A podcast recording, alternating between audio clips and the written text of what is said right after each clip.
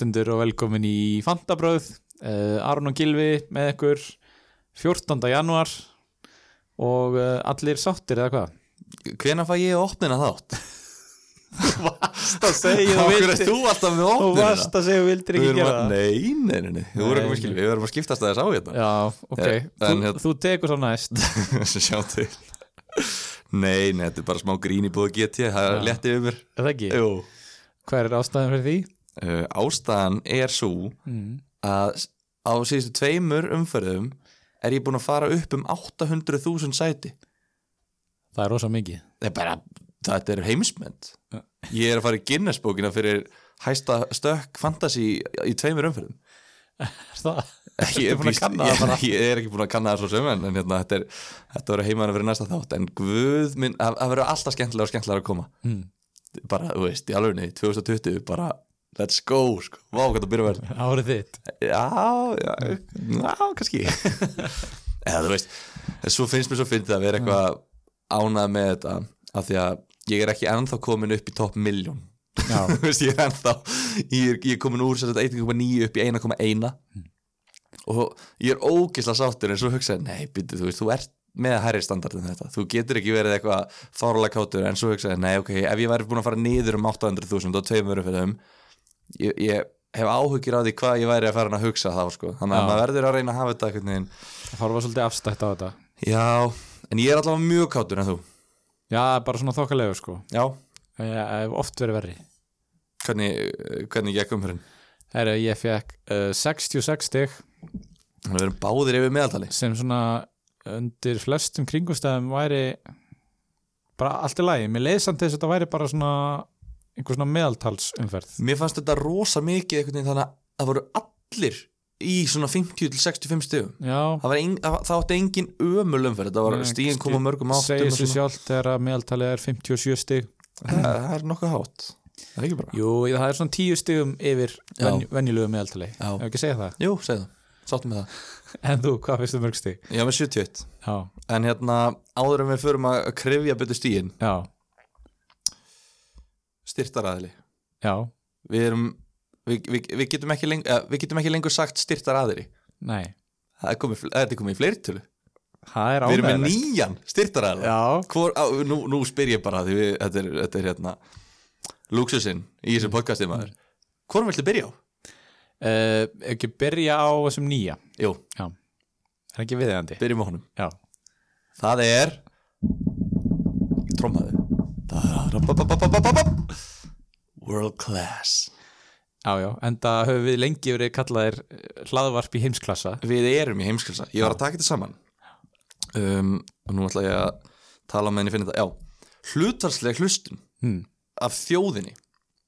Ef við værum í bandaríkjunum þá værum við að fá 8,3 miljónir hlustunar á hvert átt það er hansi gott. Cirka já, en við erum með 8,2 Já, ef við værum með eh, England þá væri þetta 1,7 miljónir þannig að við erum að sjá það, þetta er gjörsamlega hlaðvarp í heimsklassa og hérna og við erum hvergi næri hættir, við erum að fara upp á næsta level í hverjum þætti og þetta, ég, ég get ekki hugsað mér betri leið til að fara upp á næsta level heldur en að fara í samstarf með vorklass mm -hmm. og ég náttúrulega fór beint, beint í ræktina eftir að þessu var frágengið en hugsaði, með, það búið að vera lokullum ræktum. Mm. núna þetta var klokkan hálf 11 eða eitthvað, þetta var busy dagur. Djöfull að búið lokulli, ég kemst ekki, nei nei kosturinn, fara í kringluna.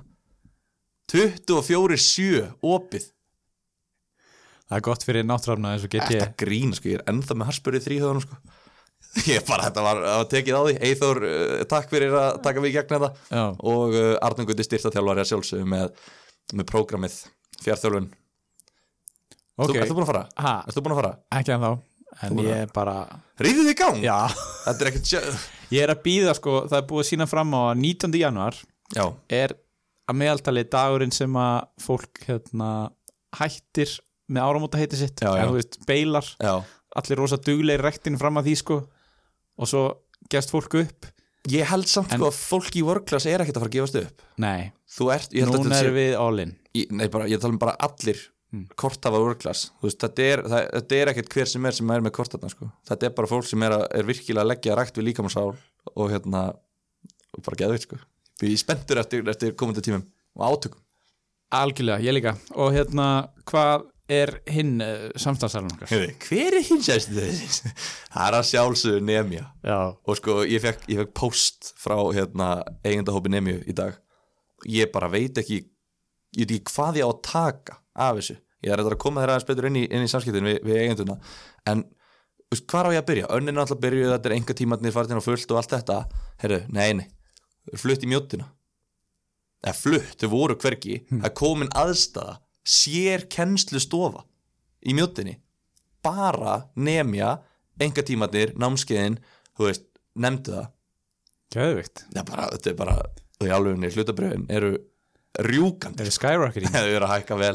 Þannig að endilega finnið það á, á Instagram og Facebook nemju Já, og hérna drífi ykkur að panta tíma og kíkja á það í mjóttinni en talandum hækkandi hlutabrjöf já, á langar með að fara í fyrsta leik helgarnar já, bombum okkur í þetta. Ja, það er sko ekki kannski fyrsta leikin svona í tímaröð heldur bara það sem er efst á baugi. Mm -hmm. og það er að sjálfsögðu Danny Kings. Danny Kings og að því sögðu, að Já, þessu sögðu ég glemt að kynna þetta í, í hérna, inganginum Já, við erum að fara að líta tilbaka. Er við höfum ekkert litið tilbaka lengi. Það verður, það verður litið tilbaka. Ef við ekki bara vindu okkur beint í þetta? Ok, komdu með það. Það sko Þeim að við, eins og segir, þeir eru með ágætis momentum. Við erum að tala um 1-0 sigur á Chelsea Við erum að tala um 1-0 sigur á Tottenham. Og veist, hver er að segja að þetta verði ekki 1-0 sigur á móti í Leicester Og Danny Kings skori sigurmarkið fór nýju stig og ég verður endur að byggja stafsökunar ég sagði að hann myndi að fá nýju stygg og 1-0 en þetta fór 2-1 og hann fekk bara 6 eða eitthvað. Þannig að hérna fyrirgefið að ég var ekki nákvæmur þetta hitt lítið tilbaka er líka frekar ónákvæmt þannig að þú veist, ég er eitthvað aðeins farin að reyka en hérna, Hann náttúrulega reif sig úr treyjunni þegar hann skoraði þannig að var hann að gera? hann klúraði bónustegunum hann alveg Nefnir, hva, Rækilega. hva, er þetta 15. markið hans á tímabölinu? 13. 14. 14. markið hans af hverju er hann núna að rífa svo treyjunni? Veist, eh, skoraði seint í leiknum út í liðinu sem hún er í öðru sæti bara ég meina það er miklu sætar að vinna, vinna liðið bara beintir ofan og skilja þá eftir Þess, það er miklu betra fyrir þá að vinna Norvits og bara yes, ok, þú veist, nú fá þeir ekki stig breytir yngu mála að Lester sér að stigum sko. henni maður náttúrulega, þetta er náttúrulega Danny Kings hann hlýtur að vera að horfa að upptöfluna. Ég- ég er ekkert að spyrja mig, ég er ekki talsmaður Danny King sko. nei, ég er það reyndar og ég get sagt það hann var að horfa upp töfluna en Sáðantón vinnur Lester 2-1 komur þetta, þetta er sett ekki komið þér óvart? Ekki mér sko, en, en ég veit að þetta kom flestum á orð en ég var náttúrulega búin að segja þetta. Ok. Um, þetta hefur komið þér á mm, nei. Ú, ok svona, Tjúvill erum við næmir, eða naskir. Já ég hérna uh, það sýnir sig kannski í því að hérna ég ætla að seldi uh, Sonjangu Já, þú seldir hann náttúrulega. Já. Og ég þurfti að velja á milli að vera með Matti Ræjan eða Smækkel í markinu. Uh, ég hafði Smækkel sem að fekk einu stígi meira. Já, það var hérna að þýleitunum til rétt það sko þessi leikur Varstu búin að sjá tölfræðan um að þessi leikur fór 9-0 eins og fyrirleikurinn það. nei, Það var 9-0 líka í þessu leik. Í hverju? Jamie Vardy, uh, 0 skot. Danny Ings, 9 skot. Já, Hann með 9 skot í leiknum.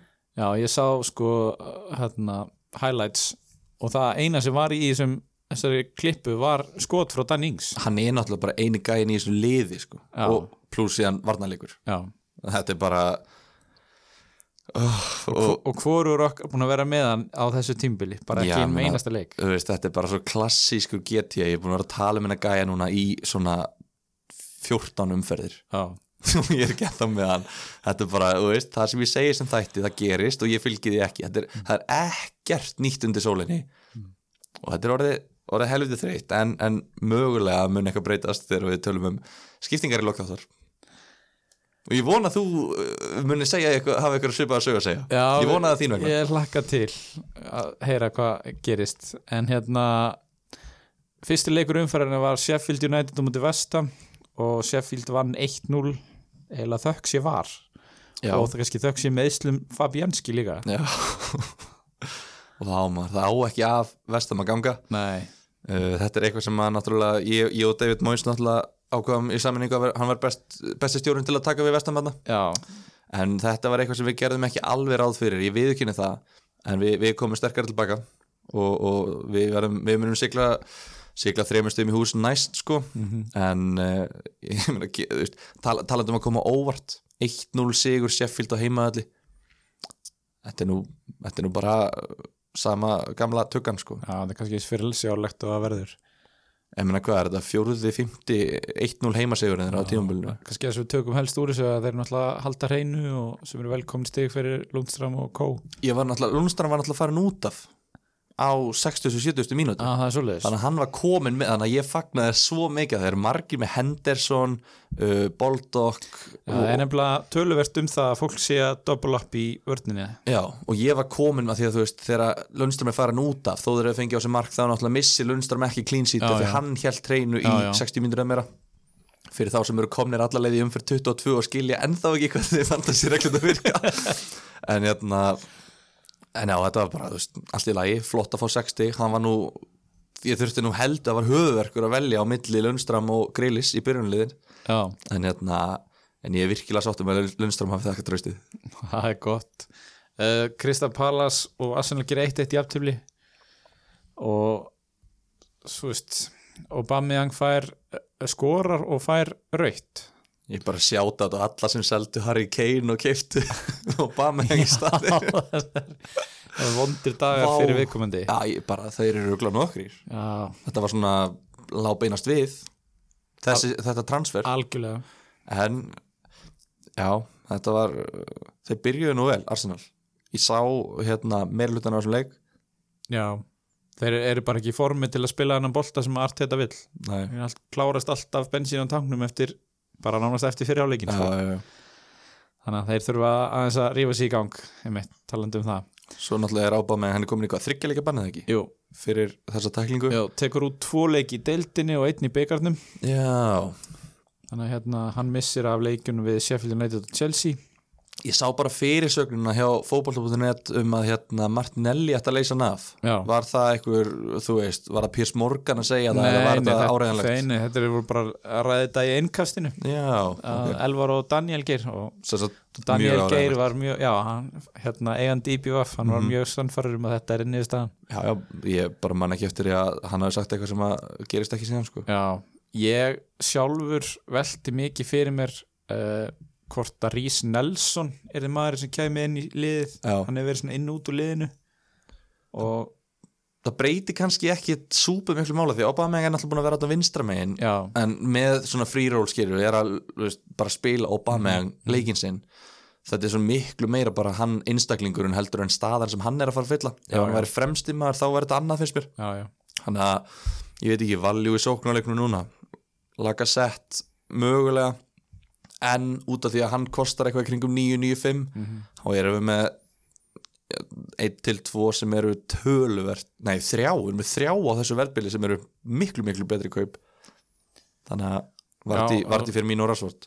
Já Vardí náttúrulega ekki ennþá, hann er ekki tíu núna? Já, jú, reyndar. Ef þú eða- ert- ef þú ert að kaupa hann inn já, sko. já, ég mynd, já, tölur þetta kannski við sleftum honum bara.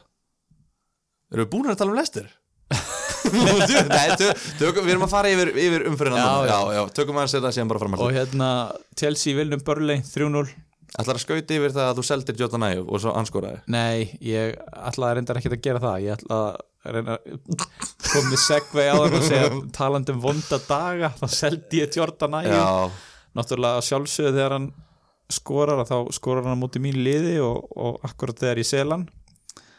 Hann, hvað, þú veist ég bara, sko tölviskjári nærvallan og langt aftur í tíman til að skoða hvernig hann fekk síðan stig. Fyrir fyrir utan þessi 12 stig á bekknum hann og 9 stig þegar ég selda þetta er, er vond notkun á svona Æ, þetta er óþólandi fantasi Þetta er bara svona dæmi um það þegar gæinn veit af manni veist, Já, já. veit af manni með hann í liðinu. Hann ætla bara ekki að fá stig þegar hann er inn á. Þetta er þreytt dæmi en, en hérna ég, ég átta mikið á því hvort mér langi í Jordan Ayew eða ekki. Ég held ekki. Það langar engan í Jordan Nei, hann, veist- hann er bara þú veist, enabler. Gerir það klift að kaupa leikmenn í aðra stöður en þú veist, er eitthvað er eitthvað betra í bóði á þessu verði, kannski Greenwood bara. Já, er það ekki alveg eins gott ef þetta er leikmaður sem, sem er að fara að setja á bekknum? Ég bara Jú, en, jú, en Jordan Ayew spilar alltaf, þú veist það. Já, já, En þú vilt ekki alltaf spila honum. Nei, nei Og ég hefði til dæmis ekki vilja spila honum endilega á mót, Jú, kannski mót Arsenal, ég veit það ekki. En Greenwood er svo erfiður af því að Ef þú ætlar að hafa hann í byrjunarliðinu Þú veist ekki hvort hann kom inn á í þrjár mínútur Eða tólf mínútur Eða spil, byrji inn á að spila í 60 mínútur Þannig að það er svo erfitt að þú ert með Þú ert með svo yfirgnæfandi líkur á einu stíi Fattaru? já, ég myndi freka vilja hafa einhvern sem að bara annarkvort eins, og Aguero til dæmis annarkvort byrjar hann inn á og spilar 70 mínútur eða spilar ekki neitt þannig að þá færði allavega einhvern á bekknum í staðin við Jordan Ayew hann spila 90 mínútur í öllum leikjum eins og er. Spurning hvort að Tósun lánið sé að fara að breyta því. Já, maður sér það alveg gerast. Já, ég skil ekki alveg af hverju þeir ætti að vera að fá einhvern á láni til að vera varamaður og af hverju hann ætti að vilja fara úr Everton á láni yfir í Krista Pallas á láni já, þegar það er nýkomin nýr þjálfari. Frekar en að bara, ég fatt ekki alveg pælinguna en, en svo sem þetta er svo sem ómerkilegt subject og það er sengt tósu það er orðið mjög ómerkilegt. Chelsea Eh, maður. já, Chelsea 3-0 sko ég kíkti á hérna uh, fotmob og þá var sko eitt, hvort það var 1-0 fyrir Burnley og var verið að skoða marki í var. Já, svo kík ég einhverju setna og þá komið 2-0 fyrir Chelsea eða eitthvað, þetta var mjög skrítið. Þetta var hérna en sko er Burnley lélegasta liði í deildin núna. Já, í dag, já, klárt. Er það lélegri en Bournemouth? Sko Burnley Born og það er leikur sem að ég myndi ekki vilja sjá þó þú myndi borga mér miljón fyrir sko. þetta er rjúkandir úrstana já, og ég, ég samt, sko, ég, ég ætla bara að viðurkenna það. Ég, maður sér ekkert allt gerast og maður sjáu nú 95% af hlutunum gerast. Mm. Burnley, þegar þeir voru búin að vera að sökka svona mikið, ég held svona já, ég meina Chelsea hafa nú alveg verið að misti þessu heima allar móti minni liðum Southampton og Vestham og Bournemouth. Já, og hafa tapa fyrir Burnley á heimaðalli bara í náinni fortíð. Náinni fortið, jú, vel gert. Þannig að hérna, þannig ég sá alveg fyrir mér að Burnley næða múra þarna Já. fyrir, svo komist þér í 1-0 og ég svona hvað sagði ég, ég vissi þetta skilur nei, nei, svo er þetta dæmt af og svo bara bum bum bum 3-0 fengu sko miklu fleiri færi Chelsea sem eru búin að vera ískaldir virkuð einhvern veginn, það var einhvern veginn Lampard hefur náða að rífa þetta upp sko. Já, þó mótspinnan hafi nú ekki verið mikil. Tammy kemst á blað. Hann er búin að komast á blað núna þrjáleik í röð. Já, og einhvern veginn er einn af þessu leikmunum sem alltaf að leitast eftir að selja. Þú vilt, svona, þú vilt fá eitthvað betra fyrir peningin sko. emitt, emitt en samt er hann að skila.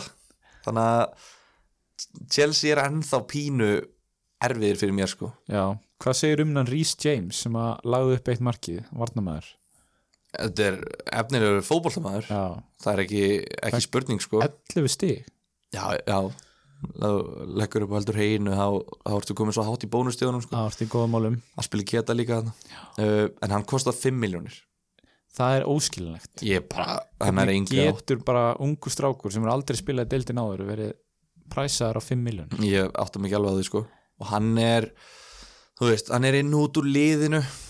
Spurning hvort hann sé að fara að negla uh, sætið sitt núna. Hann, hann, ég held að flestir Chelsea stuðnismenn og, einhverjir sem horfa á fótbolta séu þeirra skoðunar að hann eigi að spila meira, hann eigi bara að vera byrjunarsmaður. Hann er góður í fótbolta, góður vartamæður og Já, bara mér- bakurur mér en hérna fyrir 5 miljónir og þú sér prógramið sem Chelsea á hann fjórir af næstu 5 leikjum að koma hérna Arsenal, Leicester, Manni og Tottenham. Fjóri leikir í röð. Já, ég held að við séum, við getum glemt að ræði þetta fyrir en bara fyrsta lagi í, í lókfebruar já, ég er alveg sammála því. Og einhvern veginn bara alla í Chelsea. Já, ég er eiginlega bara líka sammála því. Ég myndi segja sko að því Tammy er nú með þetta orðspor þráttur að vera ekki búin að spila lengi. Hann er með þetta orðspor að hann getur ekki skorað á móti top 6 hann skoraði þarna eitt á móti Arsenal. Eina marki sem hann er búin að skora á móti liðum í top 6 já, og eftir, top 6 liðin skilju Lester er ekki, ekki stóru sex sem við þekkjum stóru vel. 6 já. og hérna og hann er núna að fara að mæta þessum góðu liðum í næstu fjórum að fimm leikjum. Mm. þannig að hérna, ég myndi segja að þeir sem eru með Tammy þeir þurfa að fara að horfa í kringu sig hverja hvort það sé ekki hægt að fá meira valjú eitthvað staðar annar staðar. Þeir sem eru eitthvað pæli að kaupan ég mæla ekki með því. Nei, ég er bara sammála. Ég, veist svona Tammy er, þú veist mér finnst það bara eitthvað svo óspennandi já, hann var svo, hann var svo sexy í Já, byrjun. og svona, veist og í byrjun einmitt var maður bara svona ó, ég, ok, núna get ég ekki haldið áfram án þess að vera með hann í liðinu mínu. Mm -hmm. núna er hann að skila stigum reglulega en ég er samt bara eitthvað svona ég finn enga þrá til þess að taka hann inn í liðið og, og hann er líka, hann er ennþá með sko þrjá, það er einn af hverjum þremur spilurum sem eru með hann. Já, Öruglega einhver, einhver draugalið sem hafa tekið hann strax inn í já. 3-4-5 og svo bara eru hættir. En einn þriði er rosalega mikið. Já, og það er einhvern veginn svona ég veit það ekki, hann er ekki að refsa þeir rosalega mikið, þú veist að fá 5, 6, 7 stig eins og hann er búin að vera að gera í síðustu leikjum þetta er engin heimsendir sko, sérstaklega ekki þegar aðri leikminn eru, eru að fá fleiri stig. Nákvæmlega. Þannig að ég veist þetta ekki hann er ekki þessi ógn fyrir, lið, að þú ert ekki með hann eins og hann var, þannig að ég einhvern veginn já, ég gæti að að gæti verið margt sem verður rætt í lokin á þessu þætti. Getum vonað það þannig. Klaka til. Herru, Everton uh, vinnur Brighton 1-0 já, ég var með tvo leikmenn inn á úr þessum leik uh, Calvert Lúin nýri liðinu já, og Louis Dunk. Þannig að það hendaði mér eins illa og, og hugsast getur að þessi leikur færi 1-0 fyrir Everton og Calvert Lúin kemi ekki nálut markinu það er rosa þreytt sko. Þetta var kannski svona pínu fyrir sjónlegt að þýliturum til. Já og líka bara Richarlison skoraði markið og við erum búin að svona, við erum aðeins farnir að tala um hann núna í síðustu þáttum. Já, Erfiðu leikmaður. Já. Hann kostar svona miljónum mikið. Fyrir, Já. fyrir mig. Já, já Þú vilt ekki hafa hann í liðinu inn á 8,1 miljón en hann er bara með stigaðastu miðjumönunum og hann er komin yfir 100 stiga múrin búin að skora 8 mörg leggja fjögur. Bara ég og prógramið þeirra er náttúrulega mjög gott núna næstu fjóruleikir já, hræðilegt síðan næstu veist, sjö eftir það. Já, en svona ég myndi segja svona fjóruleikir þetta, þetta gengur alveg upp að, að taka núna. Þetta er skamtíma move. Já, og þú veist, og þú getur fengið velun einhvern veginn, en þú veist, þakið hans er ekki drosalega hátt, Nei. finnst mér, veist, mér, að, ég held bara að það ekki hjá Everton leikmennum almennt síðan ekki droslega hátt. Já, nákvæmlega, þú veist, mér finnst hann, hann sjálfur finnst mér að típan sem ætti að geta skora þrennu. Já, og bara gert eitthvað svona ó, út, út, ó, hérna ó, ó fyrir, já. Og hérna já, ég, ég veit það ekki, mér, mér langar ekki í hann, en mér finnst drullu pyrrandi að hafa hann ekki, hvað er menna já, annars sem ég finnst líka dröllupyrrandi að hafa ekki sem að ég sem að ég eh, nefndi fyrir fjórum fjóruleikjum síðan, tók inn fyrir fjóruleikjum skilaði síðan fyrir tveimurleikjum já, gæðin sem laði upp markið á hann og held reynu og fekk 12 stegi umfyrinni lukast inn ég lókandinni helviti þreytt sko. Já, ég vil ekkert, að, um hann að segja. Við náttúrulega tókum umræðinu rosa mikið hérna í byrjun vetrar, byrjun tímpils já, það við já, vorum báðið með hann í liðin okkar og svona. Já, og byrjaði vel og svo einhvern veginn svona fjara þetta bara út og allir fóru á vagninum. Já, núna, hérna á ég, að, það er pínu vond er, er eitthvað kýtlega? nei, ekki núna, en að því ég keift hann. Já, ég var með hann fyrir fjórum leikjum. Ég keift hann, hjælt hreinu og svo fekk hann núlsti svo mættir hann sitt í og ég skila hann bara strax aftur. Ef ég hef keift hann og haldur hann í fjóra leiki en ekki í tvo leiki ég er svona, ó, ég mist af tólf stigum sem að hefðu geta verið krúsjál. En nei, ég get ekki sagt að kýtli eitthvað að fá hann inn núna sko já, já, ég mista 38 stegum með því að selja trend í þrjáleiki þannig ég vorkin er rosa lítið sko. já, ég er ekki byggðum vorkum fyrir þetta sko en bara svona, C-Deep er líka kannski betra pick á 5,3 ár og spila framar. Já, er, er ekki báðið bara í bakgrunum núna?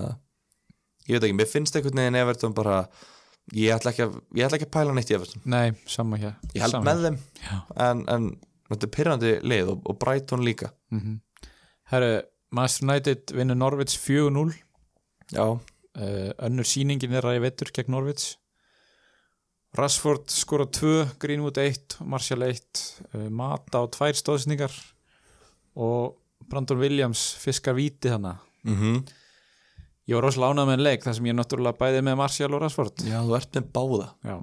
Já, þá var þetta bara, frábæleikur fyrir þig. Og hérna, það er svo sem ekki búið að koma fram í þættinum en ég stóð við það sem ég saði einn í síðast þætti og var með Jamie Vardy í kaftin og Rashford til vara.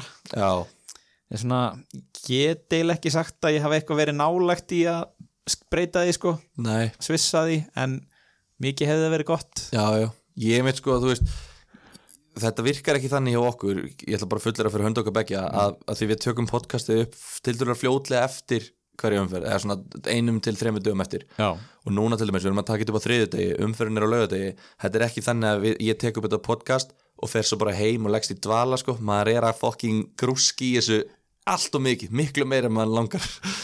Þannig að ég held áfram að grúska þarna fyrir hennar leik og sé að Ras, Rassford á heimavelli er með einhver tæp sjö stiga meðaltali já, í hverju leik sem er rosalega gott, myndi ég segja. Mhm. og ég er svona, já, erðu er nála til að tala minna það en uh, gera það ekki á endanum. Við glemdum að fara alveg yfir liðin okkar, hvernig liðin okkar gekk en skipti kannski ekki, öllu máli. En allavega, ég, að því ég tók síðan De Bruyne sem fyrirlega, sem fekk nýju stig þannig að þetta kom út á svipað. Þú veist, ég er að tapa þremur stigum, þú ert að tapa sjö. Já. En hérna, en tvö mörg og bara, hann er og hann náttúrulega tekin út á 50.900 sko.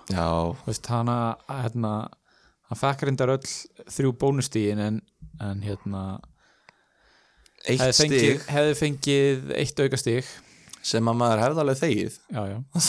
það er ekki hann, Óli frend við okkar höfum ekki stígin Nei, meina, þú veist, þetta er svo leiðilegt bara, þú veist, að því ég veit að, að svona awarenessið hjá leikmönnum í Gar Fantasy er orðið svo miklu meira. Já, ég veit að þeir eru að spila þetta, þeir kunni þessar reglur það er verið að bögga þá á Twitter og, og þeir eru farin að svara þeim hérna, Störling og, og Trent og svona. Já, og ég trú ekki öðru en að hann hafi verið að trolla bara, Óli.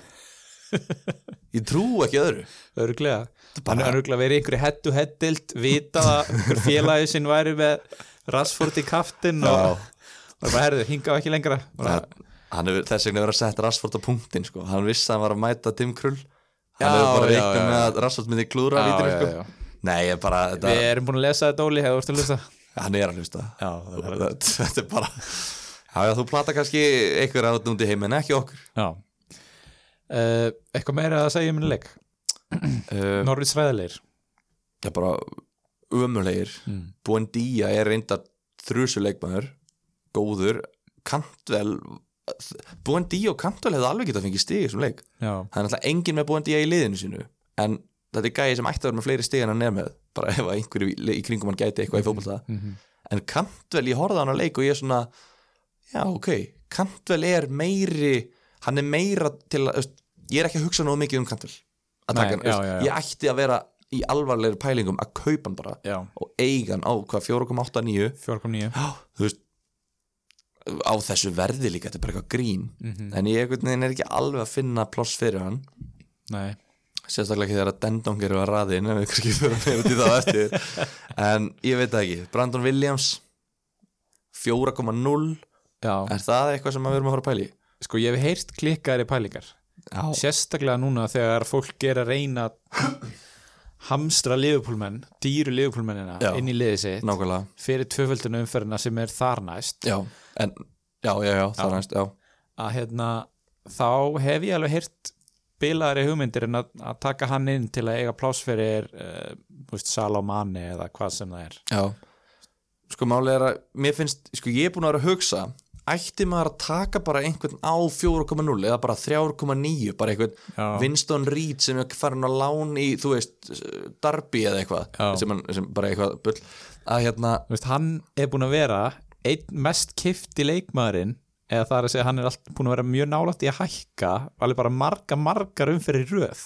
Hann er þarna á 3,9 ég, var- sko, ég, er bara, var bara að tala um einhvern gamla leikmann. Já, þannig er þú búin að vera að skoða síðuna fplstatistics.com bara svo mikið, þetta er komið í undir með þetta er, heyrðu hann er þarna bara, hann er bara að hækka. Ok, það eru greiðan fleiri í þessum pælingum. Að taki bara einhvern ódýra sem er aldrei að fara að spila hafa hann bara á bekknum, ná peningum að því þú veist, þú græðir ekkit á því að vera með neitt þú veist, þú vilt bara, þú, þú vilt bara vera með 11 leikmi, það eru bara 11 leikmi sem fá stig. Já, og ég, mér finnst, þú veist, nú er ég til dæmis með 14 spilandi leikmenn allir þrý varamennir mínu eru að spila. Ég, þetta er ekkit endilega gott. Nei. Eins og við sjáum bara þegar við tölum með vúls og eftir. Já. þetta er það er svo ógeðslega leiðilegt að vera með varamann sem að fæst þig í fyrsta lagi.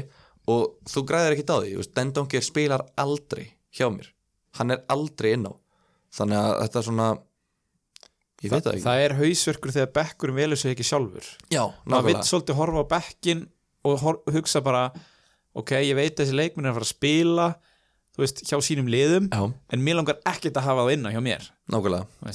Að því sögðu þá held ég að Brandon Williams sé gott góð kaup. Hann er á 4,0 hann lagði upp, hann er veist, ég, mér er eiginlega alveg sama hvort hann sé að fara að eigna sér þessa vinstri bakar stöðu eða ekki. Já. bara fínt ef hann gerir það, allt í lagi.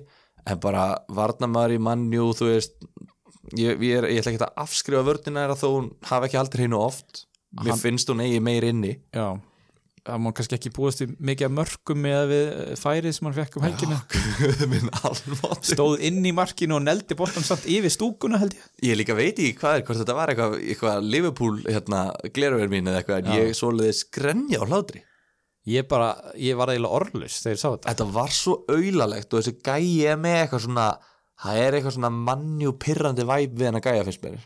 Ég fíla ekki hennar gæja, sko. Já, ég, ég, þú veist, ég hef svo sem enga skoðun á honum ég veit ekki, En mér fannst virkilega gaman að sjá klúðræsi færi. þetta var Já. líka bara, sko, það hefði engin annar klúðræsi færi í heiminum. já, það er hæpið Þetta var rosalega, sko. gefum okkur það ok, Ætti eiginlega að vera mínustu í fantasy fyrir að klúðra svona færum. já, ég held að í, í þróaðari kerfum svona eins og hérna, fantraxið og svona Já, þá, eru, þá ertu bara að fá mínus þannig Alvöru? sko. ég held það já, ok. Já, Vúl- Wolves 1, Newcastle 1 og Den Donker með mark. Já, og allt í einu Almirón farin að skora bara er það annar leikun í röð sem að skora eða? Nei. Vá, mér, mér fannst það líka einhvern veginn. Já. Hann er nýbúin að skora það er samt fjóri leiki síðan. Já, það se segir mér bara hvað að spila mikið um jólin. Já, nákvæmlega.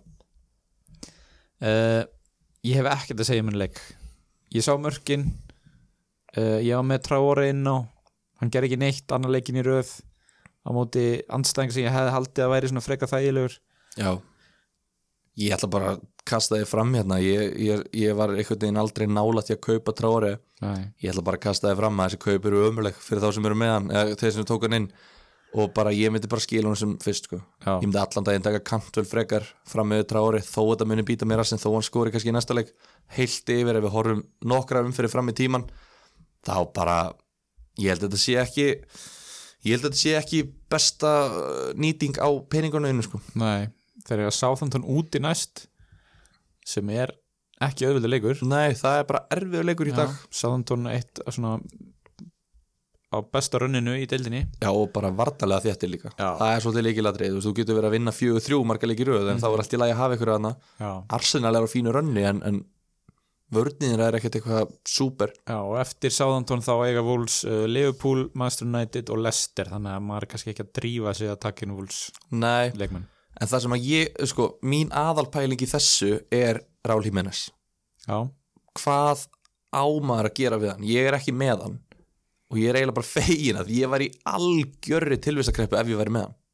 Þú veist, er hann kaupa, er hann halda, er hann selja? fyrir mér er hann selja. Selja, Já. Ok, ok. Og þá skiptir það ekki máli hvort þú ætlar, sko, hvort þú ætlar að taka inn Danny Kings Liggur auglust við. Já, Eh, vera. Calvert Lúin Já, sem að gæti ennþá, þú varst að tala um næstu fjóra leiki hjá Brighton, ég held að það sé sama upp á tegnum hjá Everton. Já, og Richarlison vorum að tala um það það gæti verið eitthvað næstu fjóra umferðir. Uh, Mason Greenwood eða veist, þú vilt taka sensin á Martinelli þess vegna.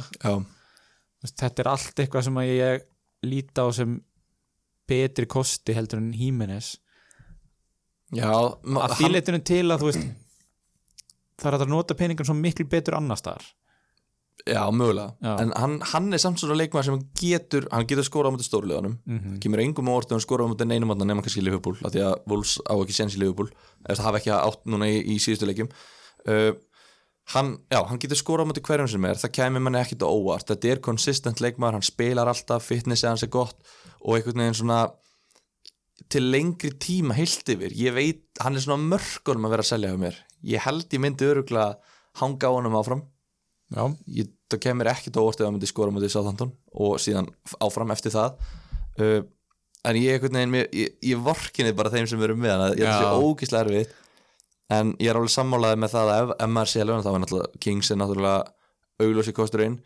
Og kannski annar punktur að mögulega væri sniðt að taka Greenwood til þess að fá meiri peningin á miðjuna ef þú ætlar að taka Salamane fyrir umferð 24 Þú veist, þetta, þessi umferð núna er svo umferð þar sem að maður þarf að fara að hugsa um 24. umferð já, að því þú vilt kannski ef þú ætlar að fara að gera þessa breytingar þá þarftu tvær skiptingar og þá þú Já. átt bara tvær skiptingar fram að umferð 24 algjörlega þannig að í raun og veru borgaði sig að breyta ekki núna og eiga tvær næst Já, svona, ja, þú veist ef, maður, já, ef maður ætlar í ef einhverja- einhver tíman að gera það þá væri það núna. Já, fyr, og, og ef þú ert ekki með þá í Liverpool sem þú vilt hafa. Mhm. fattar þú Já. ert kannski með þú veist kannski, þú ert kannski sáttu með hvernig staðan er á Liverpool mönnunum þá, þá náttúrulega breytir þetta engum máli. En ef þú vilt fara einhverja rótökabreitingar til þess að ná Sala eða Mane inn eða jafnvel þú veist, fyrir einhverju, einhverju vegna ekki með hann já, eða Alisson bara já, skiptir ekki já, já, þá, þá þurftir að fara pæla í þarna sko. ok um, talandi um Liverpool þeir vinna enn sem fyrr. Yes, þessunni var að Tottenham þeir unnu 1-0 já. Fyrir mín og með eina markið. Þetta er, hann, er, hann er að koma heitur eftir HM já, það var gert hann gott að hitta þarna einhverja vinni sína frá Suður Ameríku en þetta er bara hann er orðin contender í þessa umferð. 2004. umferð sem er bara við erum öruglega hæpit allt og mikið upp og bara fantasy leikmennu öruglega hugsa og mikið um þetta en samt möguleikarnir að það eru svo miklir. Já og þú veist óháð þessari tvöföldu umferð að þá er fyrir mínu bara fínasti kostur sko já, svo lengi sem þú ert ekki með hann við vitum hvað gerðist þegar þú tókst hann. Já, að, hérna, þá, þá getur hann ekki mikið. Og ég get þá bara gefið það út hér með að ég mun ekki vera með hann í þessari tvöföldu umferð og, og stefn ekki á að, að kaupa hann sko. Það Þannig, reyndar breytir rosalega miklu. Þá er hann eiginlega þá kaupa er hann orðin góðu kostur. Ég myndi kaupa hann þá. Já, en hann er hvað 9,3 ár já, mjög ef að tala þessum fyrir mínu. Já, þurfum ekkert mikið að tala um hann en hann er bara búin að skora útivelli á þessu tímambili ég held að sem er 5 eða 7 mörg já. öll á er og nú á hann mannjú heima ok, vitum ekki, en báðir leikirnir í umferð 24 eru á útivelli. Wow, sí, það er stórt sko. Og Liverpool ánáttúrulega geggja prógram fram yfir umferð 31 já, bara sturla já og ég er einu öru, þú veist, bara fram yfir umferð 35 sko, en, Já. þú veist utan maður sitt í leikin að þetta er náttúrulega svakalegt að horfa á þetta. Þetta er bara rosaleg, rosalegt plan einhvern veginn og, en ok, það er erfitt að tala um Liverpool einhvern veginn, ætla að tala um bara einhvern veginn, sko, en, en fyrir Mino er heitur hann er í formi, hann er, svo, hann er bara svo miklu ódýrar heldur en manni og sala já, að, að þetta eru þrjár miljónir sem múrt að spara sem gætu nýstir einhverstar annar staðar mér finnst ekkert vitlaust við það að selja Vardí og taka fyrir Mino inn. Nei Mér finnst bara Vardí á mörgunum ég, ég var mikið að pæla hérna, þegar ég var að gera þessar skiptingar ég, ég hjælt Vardí á endanum já, en ég sko ég gef honum bara börnleileikin mögulega vestam heima. Svo er Chelsea, Wolves, City veist, ég veit það ekki. Fimm, ef við horfum á næstu fimm leiki ég ætla bara Já. að koma hérna, Já. Bara take ég veit ekki hvort sé hot take eða eitthvað. Næstu fimm leiki, ég ætla að segja eitt mark frá Vardí, ok og kemur það í næstu tveimur leikjum? Það kemur líklega á mútið vestam já, ok.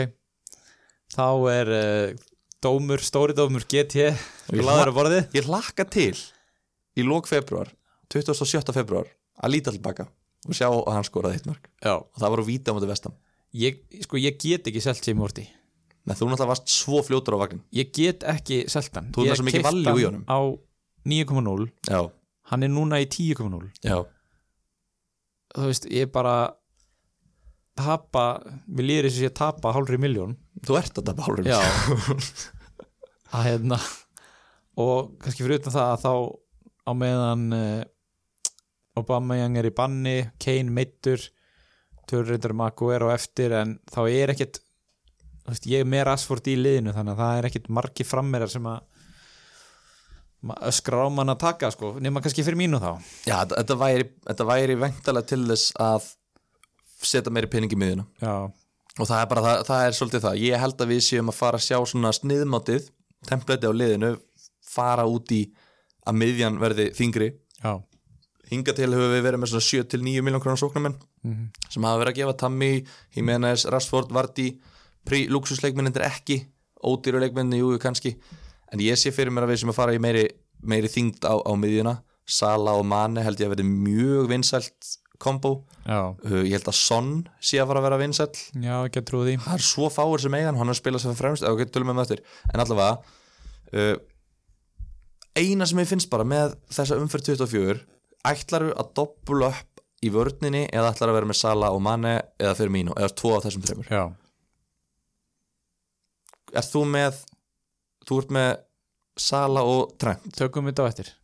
Ah, Við erum alltaf að taka, ok, ég ætla að taka mitt. Já, Ég er með Joe Gomez, Trent. Má ég spyrja þig? Já, Ertu með þá þrjá liðupólmenn núna Já. sem þú ætlar að vera með í tvöföldum fyrir henni? það er það sem ég er að pæla. Já, Ég ætla að kasta þið fram núna til þín og, og hlustenda. Ég er með Joe Gomez, Trent og Sala. Joe Gomez er núna búin að halda hreinu sex leikiröð og bara og sjokker að ég hef nefnt hann þetta fyrir einhverjum tveimur, þreimur umferðum og hann sé ennþá að delivera kemur á engum óvart. Það sem ég ránað með er að ég keift hann. Já. ég, ég actually fór á eftir í, eigin orðum. í eina skiptið í heiminum þá gerður það sem þú sag, sagðir. Já, Já. og hérna og það er bara, veist, þetta er bara kemur ekki mér á óvart, kannski einhverjum að núti. Leopold með sex reynlög í röð. Og þeir voru endar stálhefnir á múti tóttinam að Lo Celso hafi ekki skorað Já, Son hafi ekki skorað þegar þeir geta fengið á sig tvö mörg auðveldlega. En hefnið er bara hluti af þessu. Sex, næstu leikir, þú veist, Wolves, Vestham Southampton, Norwich, Vestham, Watford, Bournemouth Everton, Crystal Palace, hvaða lið er að fara að skora á þú? ég sé ekki fram á það sko. Þú ert bara með solid 60 í Joe Gomez Já, á næstunni.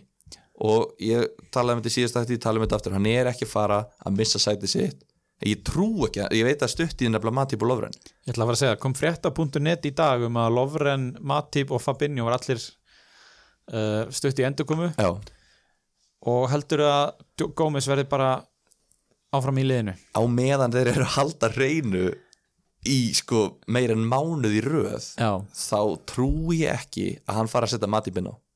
Mat, ef, ef, ef við byrjum nýtt tímabil núna þá er Matip fyrsti kostir á klopp. Ég held að það sé svona deginum ljósara. Uh, en bara þú veist þó þeir sé að fá þessi færi þeir eru ekki að fá þessi mörg já, já. og það er einhvern veginn, mér finnst að spila svo rosalega ég, það, mér þætti fáránlegt ef að Joe Gomez myndi missa að sæti sitt. Þetta er náttúrulega ekki spurning um að spila 11 bestu einstaklingunum, heldur bara því sem virkar sem lið. Já, og þetta verðist vera að virka bara í fyrst skipti á leiktíðinni er liðbúin að halda hreinu marga leikir nákvæmlega. Og það gerir lífið svo miklu þægilega að þurfa bara að skora eitt eða tvö mörg til að vinna leikina. Ekki það að breyti, þeir voru líka að vinna áður sko, Já, en bara hann er á 5,2 miljónir Joe Gomez. Já, mér finnst þetta bara ég get ekki alveg réttlætt fyrir mér að selja hann taka einhvern annan, kannski Brandon Williams og fara svo að uppgreita uh, einhvern, ég veit ekki, þú veist ég þarf að taka þrjár skiptingar til að eiga efni á manni, já, þú veist að ég þyrfti þá ég er ekki fara að selja Sala þetta bróinu ég þyrfti þá að selja Greilis á 6 já, þá þurfti ég að selja kannski Vardy ég þyrfti kannski að taka Williams og Greenwood já, til þess að eiga efni á manni já, mér finnst það svona, mér finnst ég vera að hræra of mikið í liðinu mínu og ég er einhvern veginn búin að tala mig svolítið inn á það að ég get alveg að lifa með þessu jafnvægi. Ok. En þetta er erfið ákvörðun sko og þú þarft að velja þrjá fyrir þessum ferð ég er nokkuð viss um það. Þetta er mjög erfitt. Uh, Klárum þess að tvo leiki sem að voru á sunnudeginum. Votvort vinnur Bormóð 3-0 og ég held að þetta sé svona beggja blands hvað Bormóð eru lélegir og Votvort góðir. Já, ég er samla Þetta er ekki annað kort. Uh, Dini, Dukore og Pereira skora mörkin.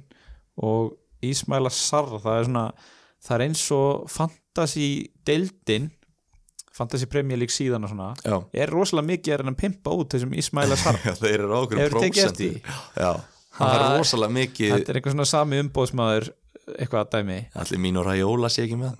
Og hann er núna búin að leggja upp í sístu tveimur og skoraði leiknum þar á undan. Hann er búin að koma fimm mörgum í síðustu fimm leikjum Já, sem er mjög gott. Hann er á 6,2 miljónir sem er bara sem er grílis territory. Já, og ég meina Grílis er líka búin að vera að delivera. Ég veit ekki Já. alveg af hverju þetta er að fara á Grílis í SAR ef ég ætti að taka einhvern veginn ég myndi líklega að taka frekar Dukure Já, ég held að ég myndi gera það líka. Sem hefur komið núna þrjá leiki í röð og hann er að spila, allavega í þeim leiki sem ég hef séð sem er ekkit allir en einhverjir þá er hann að spila framar á miðjunni, SAR er hann á kantinu með ekki? Að hann er bara svo, hann er svo ógeðslega aggressífur. Hann er svo fysikal, hann er svo snöggur og svo mikið kraftur í Dukure og ég einhvern veginn bara, ég var alltaf hrifin á þessum leikmæður, ég var með hann einhvern tímann í fyrra eitthvað, eitthvað hluta að síðasta tímanbili Það er líka hluta af þessu, hann hefur staðið sér vel í áður í gegnum tíðina. Já, þannig hefur átt þess að spretti en Já, hann að koma 11 mör og 12 mörgum á síðustu tveimu tímabilum. Já, og það er bara solid fyrir 5-6 miljón krónar miðumann já, já. Getum að lifa með því? Já, þannig ég einhvern veginn hann er á 5,6 hann er líka ódýrari. Já, og það er enginn sem á hann. Þetta er þetta er vámar Grílis Dukúre Kantvel já, choose one sko, bara veldu, veldu einhvern. Breyti mig ekki í það miklu máli. Algjörlega. Samt einhvern veginn viðurregnir þeirra Votford eru, næstu viðurregnir eru mér finnst leikjaplanið þeirra ekki heitlandi nei, ekki mér heldur. Þetta er rosa mikið næstu í sko, og eins og stöðum við á þetta þetta er, þetta er bara næstu, næstu í lið. Troy Dini, næstum því. Mér langar næstu í að taka hann. Uh, vörnin, jú eiginlega, það væri kannski helst vörnin. Já, Ben Foster, markið. Ég, mér langar ekki Ben Foster, mér finnst það nóg dýr. Ok, ég myndi freka taka Vardaman á 4,3 ár heldur en Foster á 4,8 eða 9 já, en ég veit ekki, mér finnst Votford erfitt lið að spá, erfitt lið að, að tala um sko. Ef ekki að hætta að tala um bara. ár við fyrir að kaupa einhverja menn hann jú, jú, sem maður vill ekki tala um lengi um hvertlega þá Eh, sannfæra maður sem eitthvað veist, en Bournemouth, er það ekki bara þú veist, við ég, ég veit ekki hver ætti að vera með Bournemouth með li- liðinu sínu og, og þeir eru búin að vera svo glataðir undanfarið að maður Þeir- veit eiginlega ekki hvað er að fara að gerast þannig sko. Nei, þeir eru nefnilega búin að vera það en svo er reyndar þú veist, þú vilt þú vilt kaupa hlutabref þegar þau eru að hækka já, já. meðan þegar þau eru eru lág Já, eða ef þau eru heit og verða áfram heit en þe þessi hlutabref í borm og þeir eru ég trú ekki öðru en þau séu búin að ná botni og, og, og maður getur plata sér alls konar vitleysu með þessu hugafari, ég trú ekki öðru en að þessi búin að ná botni. Einhvern veginn er alltaf annað bot sem er að það ná en með borm þá virkilega trúi ég ekki öðru en að og líka með prógramera þeirra góða leiki framöndan já, ég bara veit ekki alveg hvern. Ég fekk uh, sjátátt Sigur Reynisson fær, fær hérna sjátátt fyrir að tala um uh, Callum Wilson. Hann ætlar að gefa hann um bandið í næstu umferð ég veit ekki með það verða þau ekki um það. Og ertu, þú veist mér finnst bara að við eigum ekki að veluna svona hægðun með, með sjátáti sko. ég meina þetta er samt fyrirlið gróttu hann leiti lið upp í Pepsi-dildina sko. Ok, hann, hann, hann veit alveg eitthvað um fótbolta. Uh, en og Norvits á útivelli þetta er, ekkert, þetta er ekki versta Nei. sem ég get ímyndað mér. Ég, hérna, ekki það já, ég heyri tölfræði um Callum Wilson í dag. Já, hann er ekki búin að eiga skot á markið síðan í umferð 8 hann að koma í næsta leik. Umferð átt en hann var alltaf að meittur en já, já, vá hvað það er lélegt tölfræði eða lélegt fyrir hann. Já. Herðu, síðasta leikurinn í umferðinni klárum þetta uh, Manchester City á Manchester City framistöðu og rústar Aston Villa 6-1 já, þetta var slátrun í lægi maður. Og uh, Mares var með tvö mörg og stóðsendingu Aguero með þrennu og stóðsendingu fekk 20 stig. Ég get sagt þér Bruyne það. með nýju, það er kannski svona það sem flestir taka út úr þessu. Já, fyrirlið minn, hann að ég var ég var bara sáttur þó hann hafi farið snemma út af og, og allt það. Mm. Guardiola hefur, hann, hann alltaf tók hann út á mútið Wolves og þeir mistu niður það fórskot hann var brjálaðar að fara út af og þeir töpuðu því sko. Já, já, hann, hann hefur séð þetta, það hefur orðið 4-5-0 þá hefur hann ekki, ok, við ætla einhvern tímun að taka hann aftur út á tímabölinu, þá er það núna til að kvíla hann aðeins en hérna, þú veist, bara allt í lagi sko, en nýju stig, gott, gott að fá átjón stig fyrir fyrirlega sinn. Uh, ég veit um einn sem er engakennari hjá Nemju mm. segir bara hvað hva, ég er ekki að djóka, já. ég bara segir hvað þetta er hæfileikaríkt fólk. Hann var með Aguero sem fyrirlega ok. Og hann var að siglin 40 stigum fyrir fyrirlega sinn. Það er ansi vel gert. Eh, hérna, viltu eitthvað segja okkur nafnið eða?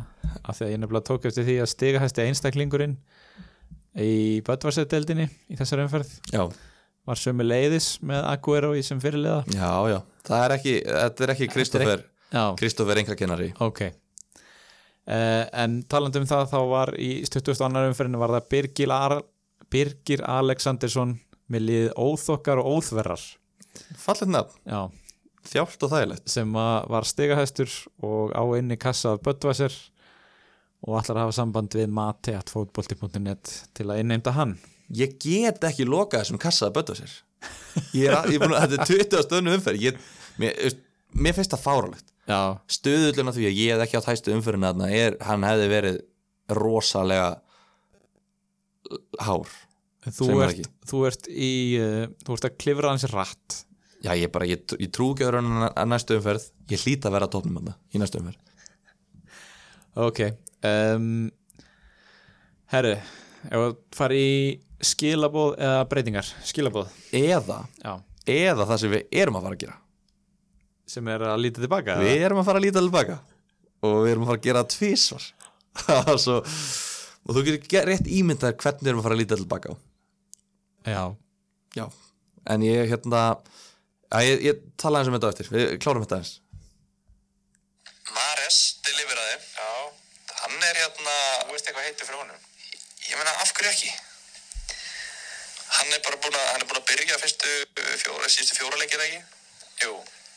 Búin að, hann er búin að koma að 13 mörgum á tímabilinu. Kostar 8,4 þú veist, hann er ekki dýr. Þú veist, ef þú nærið ekki að tegja þig upp í sonn eða þú veist, ef þú veist ekki með brunni eða eitthvað skilur þú veist, þetta er bara svona hvað er margir, 4,9% sem er hann þetta er bara svona akkurat leikmaðurinn fyrir mig og ég Mares Þetta er bara svona akkurat leikmaður fyrir mig, sagði ég í síðasta þætti og uh, ákvað síðan að kaupa hann ekki. já, Ég er svo heimsku. ég get ekki í alvegni, þetta er einhver sjálfseyðingakvöld sem ég er með í fantasy. en sko mér finnst bara svo ánægilegt að þú ert þó að mæta hér og gefa allir þessi góður á Ég veit það. Já. Mér finnst það, mér finnst þetta svona guð. sem ráðgjafi, Já, þá ertu mjög góður ég held það. Mér líður eins og ég sé að gera fantasy heimina betri stað. Og ég er meira sem með, með meira hérna um hann. Ég, man, ég veit ekki alveg, man ekki alveg hvað þetta er. Hlustum bara á þetta. hann getur, getur farið upp í 20 stig auðvelda, það myndi engum koma óvart ef Mares myndi fá 20 stig á mútið aðstafilla í næsta leik Nei, raun og verið ekki. Eða þú veist, þannig síðan held ég. Þannig að, þú veist, þakki þessar hátt er svona spreng Ég, aftur, ég var ónákvæmur með Danny Kings, ég sagði að hann myndi skora sigumarkið í 1-0 sigri en ekki 2-1 sigri. Mm. uh, þú veist, Ég var ónákvæmur líka þarna. Ég sagði að hann myndi örgulega fá 20 stig en ekki 17 Þannig að þú veist Jújú, jú, góður ágjafi kannski En ég vil vera world-class uh, Og hérna, ég bara byggðist afsökunar á því Að hafa ekki verið nákvæmur með þetta. En, hérna, en vona 17, þeir sem að tóka hann inn og, og byggustu 20 og fengu 17, ég vona að þeir geti fyrirgifað mér. Ég hugsa það. En talandi um World Class þá ætlum við, af því að við erum í samstarfi núna við World Class, að velja alltaf World Class moment umferðarinnar. Já, og hvað ætlum við að velja núna? við ætlum að velja við vorum sammála um fyrsta world class moment þessa hlaðvarps. Já, það er sendingin frá De Bruyne í markinu sem Gabriel Jesus skoraði. Já, hún var bara og maður hefur náttúrulega séð þetta oft áður. Og við, við, við getum verið með sama world class moment örgli hverju umferð því hann er að eiga þessar sendingar í líka hverju umferð en þetta er bara svo mikið augna konfekt Þetta- geta teiknað hann svona bara upp. Þetta er besti sendingamæður í heimi. Hann og Trent. Ok, Já. já, bara svo sem alveg, alveg sammála því að mörgliði í þessum í þessum boga boltu Þetta er orðið signature move að vera, veist, hann reyndi að fara hann yfirleitt senda hann út frá bakverði, þarna var hann bara með hann og bara flengt honum inn fyrir og í þetta svæði og málega líka bara að liðin vita nákvæmlega hvað er að fara að gerast. Þú veist, þjálfarnir eru á þessum videofundum og þeir bara herrið, ok, hann er að fara að fá boltan þarna á þessu svæði og hann er að fara að teikna hann upp í þetta svæði. Reynið að stoppa það. Og það er svo fallegt að sjá þessa bolta þegar fara sko, þegar hann liftir þeim ekki hátt. Nei, þegar þeir fara svona meðfram grassinu en þá sér maður svo vel í sjónvarpinu hvað þetta er ógeðslega góða sendingar. Nákvæmlega. Og þú ert með gæja sem er að fá bara sem tekur bara þrjá varnamenn úr leik Já, Og- varnamenn sem er að fá skriljónir á viku. Og það búið að undirbúa það fyrir þetta búið að segja, hann er að fara að gera þetta, stoppa þetta. Ég ætla að borga þér 100.000 pund á viku og eina sem þú þarfst að gera er að stoppa þessa sendingu núna. Eina sem þú þarfst að gera í vinnunniðinni næstu vikuna er að undirbúa þig til þess að stoppa þetta. Og þeir geta ekki, þetta er svo gott þannig að hann er vel að þessu komin sem fyrsta workclass moment uh, þessa þáttar. Já, talandi um hvað heldur að Danny Drinkwater sé að fá í laun? Uh, fyrir að spila ekki fótbolta? Já, hann ætti að fá meiri laun, hann Villa ætti að borgunum betur fyrir að spila ekki fótbolta heldur en þegar hann þarf að spila fótbolta. Já, getum orðað þannig. Hann, hérna, hann var ekki að gera neinum greiða hann var dabur í þessum leik. Hann var bara, þú veist hann er, hann er ekki að æfa í workclass nei, skulum orðað það þannig. Ok, ef við ekki að fara í skilabóð uh, Jú, eigum við að taka samt City? Þú veist, Aguero til dæmis. Já, að því nú spilaðan þegar við sáum liðsuppstillinguna. Þegar við sjáum bara ok, veist, ég sá hann og ég fekk eiginlega bara blóð af staði sem að bara þú veist, við þurfum ekkert að fara að tala um hérna sko. Það var bara, þú veist, það fór allt í gang sko, hormónið bara byrja að kikka inn og ég, þú veist, að Aguero og Jesus að byrja báðir og þú ert með Mares, þú ert með De Bruyne, þú ert með David Silva komin annar aftur inn. Já, og þú ert með Cancelo og Mendy já. í bakverðunum og þetta bara þetta, þetta var svo sexy uppstilling. Og þeir voru svo þetta var bara svo sexy. Mér var, fannst, var það sannlega mér fannst svo gaman að sjá þetta. Bara þú veist, ok, við erum búin að tapa deildinni en við getum samt sínt ennþá að við erum bestalið á landinu. Já, og það hefur væntalega verið einhver hugsun og nú er þeir vonandi bara farin að undirbúa sig undir það að reyna að vinna meistradildina og ég er alveg til að hafa Jesus og Aguero sam, veist, ég vil bara, ég, eitthvað svona blúsandi sóknarbolti, sko, ég er bara feitt til það. Mér, mér þætti ógeðslega gaman að sjá eitthvað lið, þú veist, kannski eftir tvöveldumferðina taka bara wildcard og henda bara í svona leikmenn sem að fáir eru með og Já. reyna bara virkilega að saksa og þá, þú veist, gæti til dæmis tekið, eins og segir Aguero og hérna, Jesus bara saman, veist, eða bara eitthvað svona rugg ég, ég náttúrulega var með Gabriel Jesus. Nú eru 3% sem eigan já, ég var með hann hérna og hann náði um, náði 13 stöðunum á mæti börnleik já, það var með hann í kaftin Já, og svo seldi hann og hann er nú búin að standa sér fínt síðan þá núna búin að skora þrjú mörg og leggja upp eitt í síðustu tveimur. Já, búin að fá, já, 23 stig í tveimur leikjum það er ágætt. Það er rosa gott sko. Þannig að hérna, hann er kannski meira þessi einn af þessum sem við vorum að tala um á hann Vardí, Firmino, Rashford uh, Gabriel Jesus. Mm og lag, Lagasettir eiginlega 50 sóknum var í þessari röð fyrst mér. Já, en Aguero er það leikmaður sem við ættum að vera að horfa á á 11,8 miljónir hygglust hyglaust Já. því við tölum um það síðast. Nú hlustaði ég á þáttin til þess að geta litið aðeins tilbaka sko, við vorum ekkert að spá í honum þá. Nei. Og nú 20 stegum setna ertu farin að pæla honum? Ekki fyrir mig sko. En þú veist, þetta er eitthvað svona sem þú varst að segja hyglust já, en ég er að segja ekki fyrir mig en þetta er eitthvað sem maður þarf að vera mjög meðvitaður um. Þannig að þú vilt að allir aðrir taka hann inn og fá engin stiga því þú ætlar ekki að hafa hann og er þetta eitthvað svona sko, nei, mér leið mjög vel hérna framan að tímubili að vera ekki með hann þegar þú varst að, þegar var að brenna gata á liðið þitt og, og þú varst að starta honum og, og setja bandið á hann leik eftir leik Já, og, og fegst 1 og 0 þurfum ekki að stig rifja hérna. þetta upp bara Nei, en sko það er mér líður og að sé eitthvað breytt. Já, mér líður, eða þú veist líka bara þetta er svo auðvelt upp á það að Harry Kane og Aubameyang eru frá í byli þú veist, mér finnst það nefnilega svolítið líkilæðri ef þú ert með annarkotna þeim þá er þetta mjög auðvelt transition yfir í þannan þú ert náttúrulega ef þú ert með Kane þá ertu náttúrulega þú ert búin að selja Kane. Það var Já, já. tek, þú veist, menn voru að taka mínus fjóra til að, til að koma hann út það verður frábæra til kannski lóktímabils. En nú er til dæmis Aubameyang núna komin í bann, mm -hmm. leiki bann. Það eru alveg slatti sem eru með hann. Mhm. þú veist oh, þetta er svo erfitt líka því að City með þessari framöstuðu 6-1 bara out of nowhere þannig séð gjörsamlega búin að fokka upp 24. umfyrinni fyrir mér. Já, mér finnst það sko, af því að núna þeir eru að Crystal Palace og heimavelli já, það gæti verið bara eitthvað 6-8-0 Já, menna, þeir eru búin að, í síðustu fjórum heimalegjum á móti Crystal Palace eru þeir búin að skora 16 mörg það eru fjögur mörg að meðaltali í síðustu fjórum leikjum á móti Crystal Palace. Já, heimalegjum, og er það samt líka tapið þarna fyrir var það í ferra eða hitti fyrra? 3-2 já, já, það er inn í því. Já.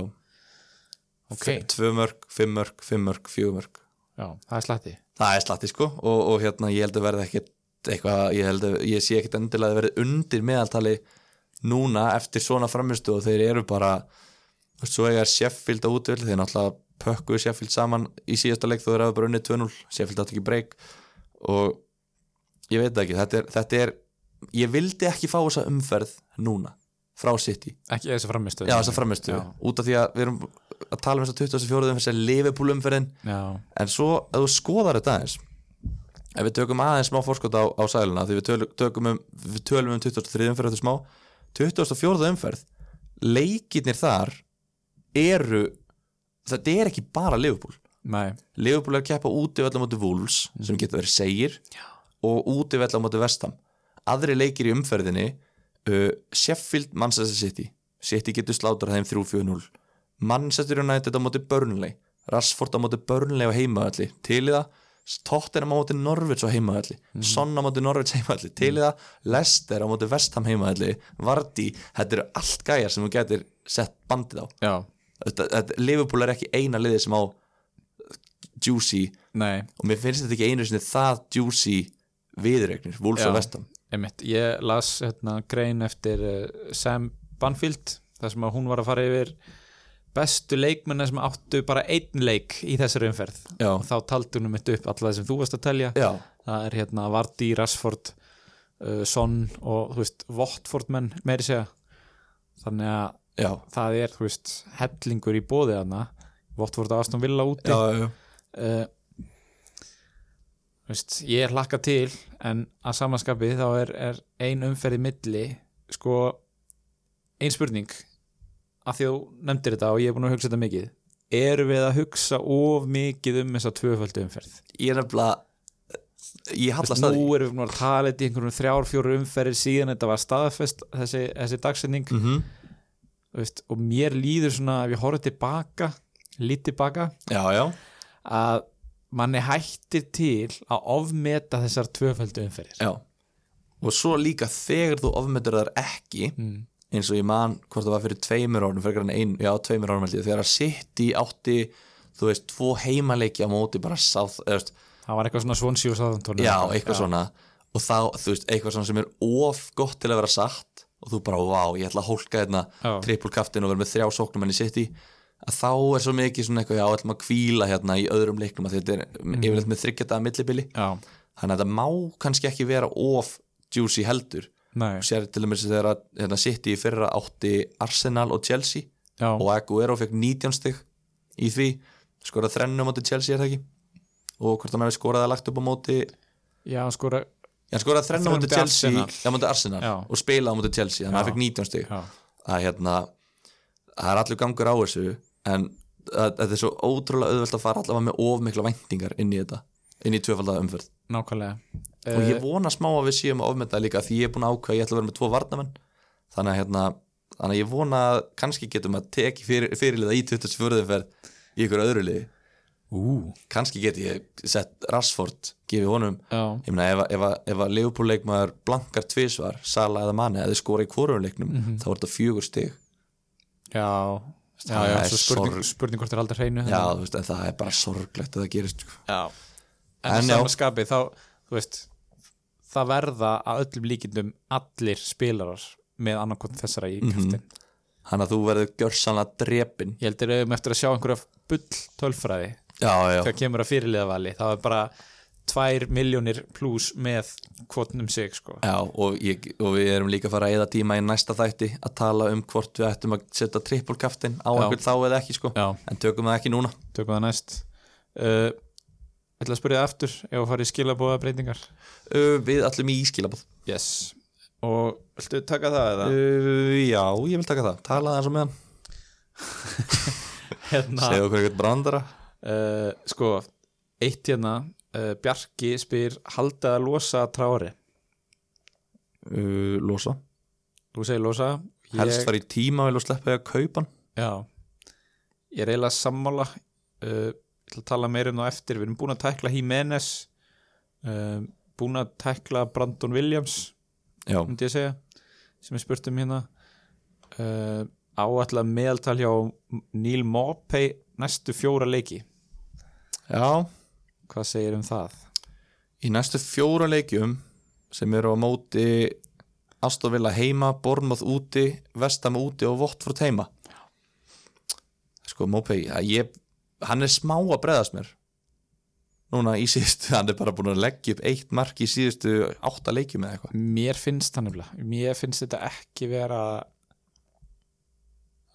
af því að við erum að segja þetta þá pottjætt Nei, byrju, ég, sko, ég er ekki að skoða ég er að skoða Lewis Dunk. Ég er einhverju tómri steipu sko ég hef trú á þessum gæða við Nei, ég, Nei. ég, ég er búin að tala um Já. Hann var einn af þessum fjórum. Þegar Já, ég nefndi hérna fyrir, Þegar ég var úti Ég nefndi Joe Gomez Deliverar. Ég nefndi Mares Búin að delivera. Mopey Ekki alveg. Og svo er manni Jú, og Callum Wilson. Það var fjórði gæði sem ég nefndi. En ég get alveg sé fyrir mér að Mopey skori. Ég held að ég segja að Mopey verið að halda. Ekki Já. kaupa, halda. Að því að hann, við vorum spurður um næstu fjóra leiki ég held að setja tvö mörg í næstu fjóra leiki Ég segi eitt. Hann og Vardí munu, munu skora sikkert marki úr, úr vítaspinnum all right. Geggju spurning hérna frá Daniel. Já, Eigum að, fara- eigum að kaupa Pepe Reina? Hvað segir um það? sem púlari langar mig það er freistandi bara upp á flippi sko. En ég er bara með of mikið keppniskap til að vera að sóa, sóa skiptingu í það? Já, líka sástu Aston Villa um helgina eða? já bara ímynda þær all, all vörslustíðin sem að reyna hefði fengið þarna. Hann hefði varðið allt. Þú segir það. Ég segi nei, bara ekki pæli í þessu. Vottford búin að tala um að við, við erum búin að Bruno Fernandes beint inn í liðið ef að það klárast. Er það, er það að vera staðfest? nei, ekki svo ég viti. En eins og með eiginlega alla nýja leikmenn Já. í fantasy þá nei, ekki beint inn í liðið nei.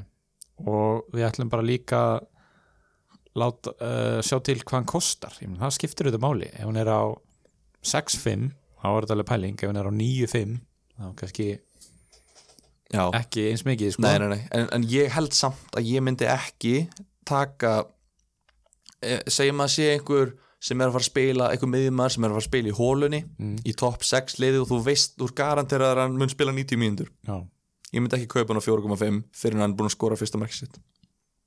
Já, skilkominar ég, þetta er bara eitthvað prinsip held ég eða ég veit ekki hvað sko. Mm en allavega Rhys James og Hudson og Dói Bargains á 5 og 5,3 fyrir þá sem þurfa að taka áhættu.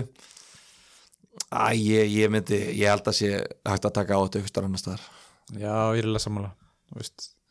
Það frekar uh, Cantwell eða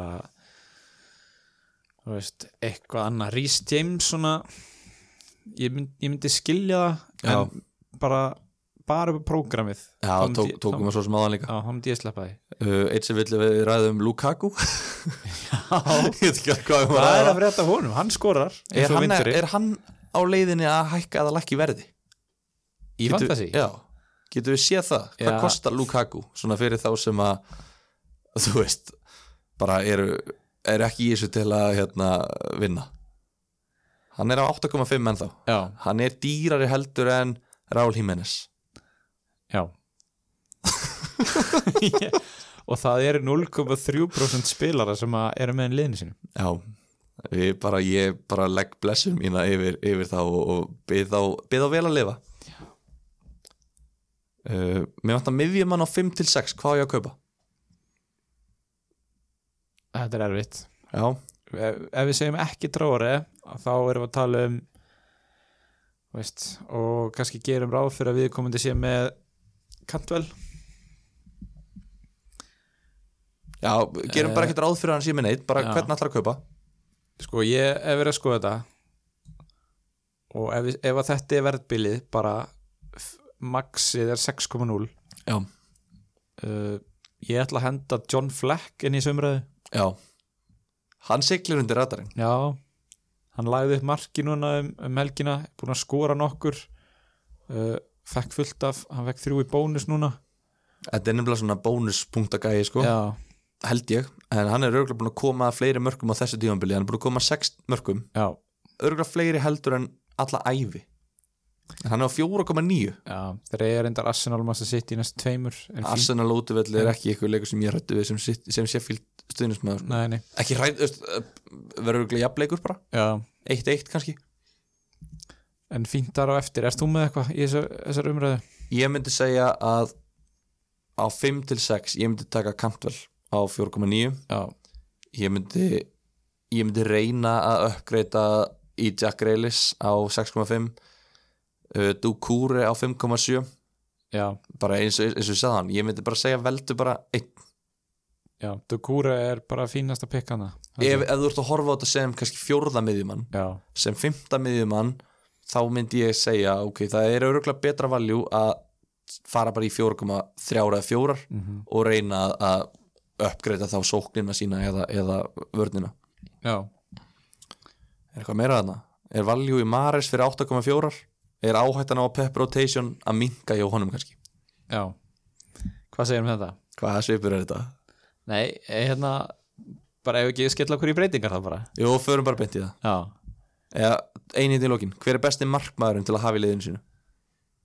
eins og staðan er núna þá er það Alisson Já, sem, sem sagt valjú bara, að bara bara best, stig, besti markmörun Essin fær flest stig Er hann að fá flesti? Uh, Ég meina hvað er búin að halda hreinu? Sex leiki í röð? Maður sjá, getur við ekki séð hérna formið á markmörunum? Er, þegar maður fyrir form er ég þá að skoða fjóra eða fimm leiki aftur í tíman? Ég held þessi þrýr Ég held að það sé fjóra eða fimm. Alisson, efstur. Kostar 6,1 Foster, Henderson. Sko eftir þess að tvo leiki á Sheffield Arsenal og City Mm. þá er þeir að fara í sko þrjá vel gyrnilega heimaleiki og tvo góða útileiki. Heimaleiki þeir eru náttúrulega aðra styrkleiki í Sheffield. Já, þeir halda hreinu heima. Og hérna ég myndi segja Henderson líklega. Ég ætla að henda einu í viðbútt hérna inn í þetta. Uh, Alex McCarthy, já, þeir eiga fína næstu átta leiki eða eitthvað fyrir utan hennan leifbúleik já bara góða leiki. Já, þannig að um að gera tjekk á því hann kostar 4,3 en hvað eru þeir búin að vera að halda hreinu? Mér veist Votvort miklu meira svona lið sem að heldur hreinu í öðrum konar leik vinnur 1-0 og tapar svo 3-1 Já, Sáþóndan er svona þú veist að ég veit ekki. Reyndar tvö hreinlög í síðustu fjórum. Já og það mútið Chelsea og Tottenham. Já þannig að ég, já, þetta er, þetta er áhugavert. En að máli málana nú erum við búin að halda, hanga þessu ha- halda, mm, mm, Já, hvað er með það? ég get ekki tala Ertu búin að gera eitthvað breytingar? ég er búin að gera, á, ég, já, ég skal klára mitt. Já, ég, gerði tvær, ég átti tvær breytingar enni Mm. og ég, bara, ég hló bara í tvær. Er bara búin að gera þær? Búin að gera þær. Ég gat ekki lengur. Varstu eitthvað tæpur á verðbreytingum með það? Nei, ég var bara tæpur á geðhilsu sko. Það var svolítið bara málið að ég bara gat ekki lengur hort upp á Danny Kings, refsa mér og bara oh, horfandi upp á þetta eitthvað. Já, hann, hann á hérna Tottenham og Leicester F- í næstu tveimur. Ég ætla að býða með það þá, þanga til. Nei, nei, hann skoraði báða leikjum og hann er bara búin að skora í þú veist, hann er með nýju mörk í síðustu tíu leikjum held ég. Þannig að þetta er helviti þreytt sáþandan eins og að segja, eiga dröllu gott prógram. Já, Wolves er ekki eins eins fráhrindandi og mér fannst fyrir fimm leikjum. Nei og þeir virðast fá þessi mörk í hverju minnasta leik. Já, mér, finn, mér fannst þeir einhvern veginn svo þéttir og svona að leka inn einu markileik Já, eins og svolítið mannjú, mér finnst mannjú alveg mér finnst þeir miklu þéttari heldur en Arsenal. Mér finnst mannjú miklu meira að vera að leka mörgum já, heldur en Arsenal er bara að, að gefa mörkin. já, bara, já. Arsenal og Vestham og svona lið sem eru bara að gefa mörkin. Já. En ég er búin að taka núna Danny Ings en ég var mikið að bæla hvernig ég ætti að selja, ég ætti að selja ætti, ég, var nála því að selja Vardí og ákvað á endanum að selja Tammy þó hann eigi Newcastle úti í næsta leik og geti vel verið að hann skori þá en svo horfði ég á leikina og ég hugsa að ég vil ekki hafa hann í liðinu mínu þegar hann er að mæta þessum stóru liðum. Mhm, þannig að ég bara tók smá forskot á sæluna, seldi hann þannig að Tammy fer út fyrir Danny Ings og hinn skiptin eru þau að ég seldi James Madison já. Það er leikmaður sem að ég hef ekkert verið með og svona einhvern veginn ekki sannfærst á honum. Nei, en hann er samt með 105 stig. Já, og hann er með hann, hann spilar alltaf, hann Já, tekur leikadrein, hann er alltaf fyrir aftan Vardí þú veist það. Um, rotation riskið er ekki neitt. Og hann er bara solid þú veist, ég, mér, mér lei, það var frábært að hafa hann í liðinu sinu, Mhm. ég mæli með þetta er bara flottur hérna, þetta er svona, þú hefur góða reynslu á honum og mæli með honum við vin. Já ef einhver annar vill, vill hérna, kaupa hann þá, þá ég verð að, að hérna, gefa hann góð meðmæli. Og svona solid líka, veist, skilar inn 7-8 stigum. Já, en samt ekki nóg og mér, mér fannst ekki eins þægilegt að vera lengur með þrjá í lestir eina sem mér finnst við Mattisson er að mér finnst hann blanka oftar en hann ætti að gera já, veist, hann er svona veist, hann stendur sig í svona hvað að segja tveimur e- að segja þremur af hverjum fimm í staðin fyrir fjórum af hverjum fimm. Já, eitthvað svo leiðis Já, veist, eitthvað svona hugleg tölfræði bara. Já, hann mætti alveg vera með svona Það vantar tíu þessa einu stóðsendingu hér og þar til að aðeins að rífa þetta. Já, en hann er samt náttúrulega bara á 7,7 miljónir Þetta er svo frábærlega þægilegt verð. En hérna en ég seldan og í staðinn ætl, ætla ég að taka inn og er búin að taka inn Riyad Mahrez. Vinðinn vin minn, Já, góðan vin minn sem er núna búin að fá síðan ég uh, nei, hvenær talaði ég um hann? Hann er komið 22 stig í tveimilegjum þetta eru 22 stig sem ég er að missa af já, á því að taka hann ekki. Eða svona þannig séð. Kristapalas heima og ekki nóg með það, ég ætla bara að fara beint í það. Ekki nóg með það að ég keift hann hann er fyrirlið minn í næsta leik. Það er svo leis og ég er ekkert að grínast. Og það þarf en, en að, með þeim fyrirvara að ég fer heim, ég er að fara að stúdera hennan leik núna næstu fimm daga. Fantasy bara hvað er best að gera. En hérna þarf, ég þarf að sjá einhverja rosalega heillandi tölfræði til að ég taki bandi af honum. Og þá er það líklega að fara yfir á De Bruyne sem er vara fyrirlið Já, en ég er bara, já ég, þetta er eins og ég sagði því síðast ó, ég er svo fullum að tala um þetta. Þetta er leikmaður sem ég þarf til þess að ég get upp fórskot og ég er búin að vera að klifra núna upp, upp töfluna. Já, en ætla ekki að láta staðarinn um mig fyrir en ég er komin í já, ég veit ekki, topp 500 eða kannski orðið raunhæft draumamarkmið. Það var alltaf topp 100.000 overall. Já. Sko, ég er búin að gera breytingar og hérna það var svona veist, meina 66 stig er ekkert slæmt. Alls ekki.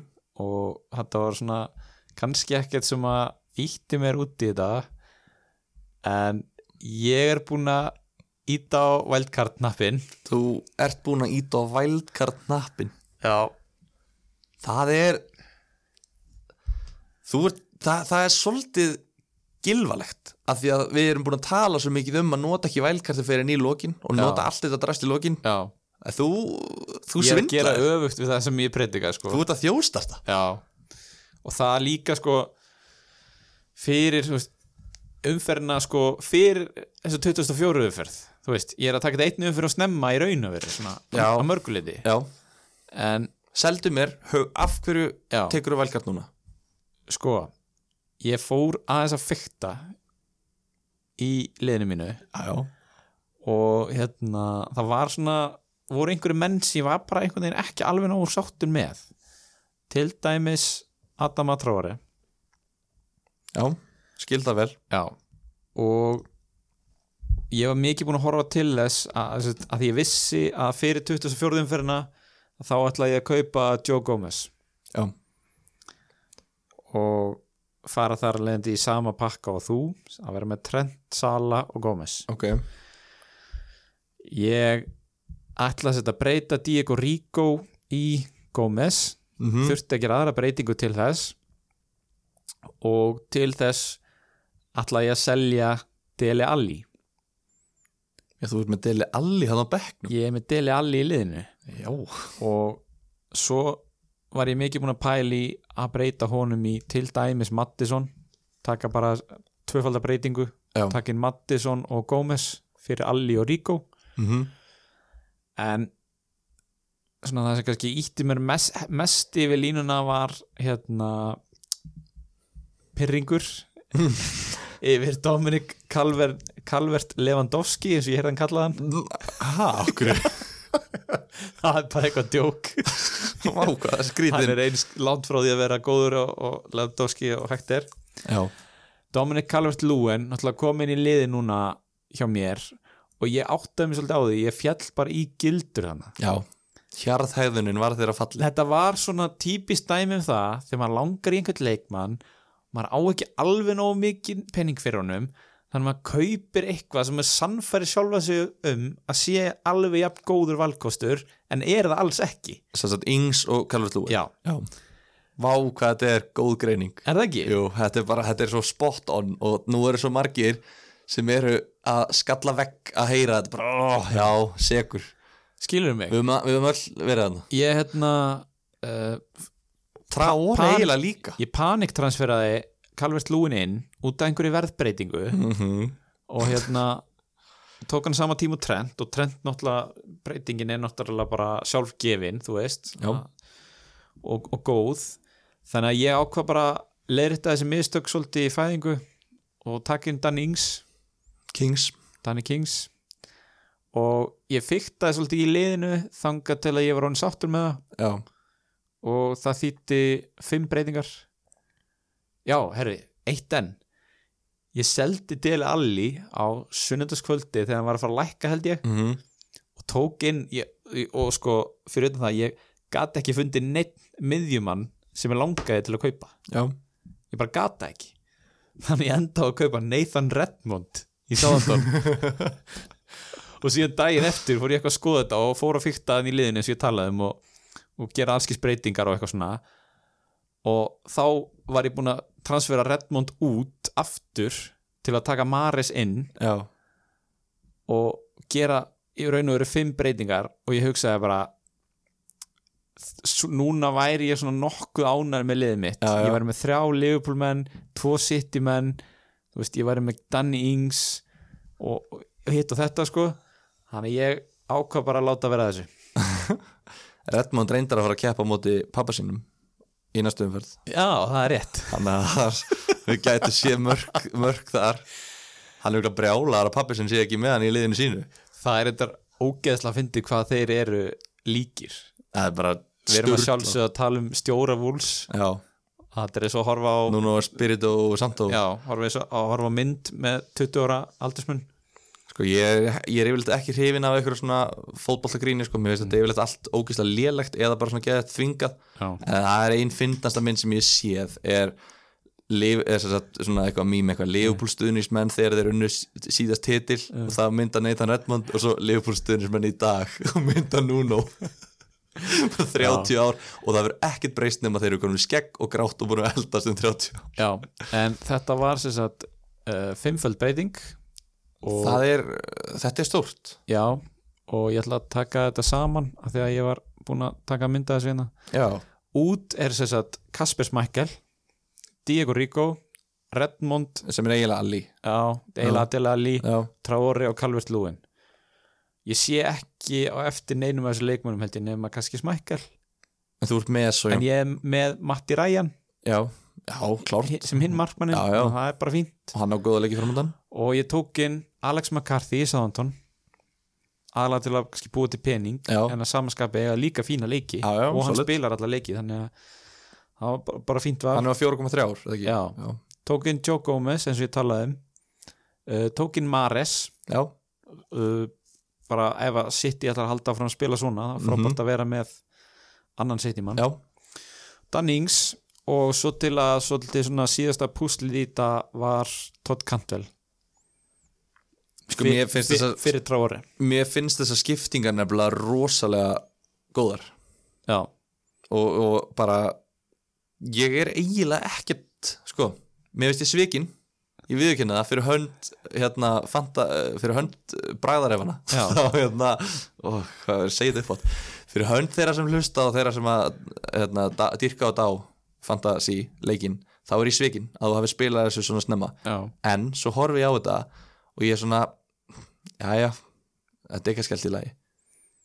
Já ég, þú veist Jú, jú, ég get alveg viðkend það, ég sé alveg fram á það að þegar umferð 34 eða 5 kemur Já. og þá hellinga liðum á tvöfalda umferð og ég má eftir að vilja gera 5 til 8 breytingar Já. þá verður alveg svekkið að vera búin með vældkarti Mér finnst þetta smá eins og við séum hjón sem búum saman Já, og við erum að reyna, við erum svona nýfluttin við erum svona 27 ára, 26 ára nýbúum með háskólanám og erum bara að reyna að spara þurfum að, hérna, þú veist ekkit hvað ég er að tala um að þurfum eitthvað að spara og jú, fara, jú, fara að jú, passa jú, jú, peningar, herðu, kallið minn. Jú, jú, ég hef alveg ok, verið við, við hinn, við allavega þurfum yfirleitt svona, við erum að flytja inn. Ok, og við erum þetta alveg 100% sammála um það. Ok, við ætlum ekki að eyða neinum peningi neitt rasl Mhm.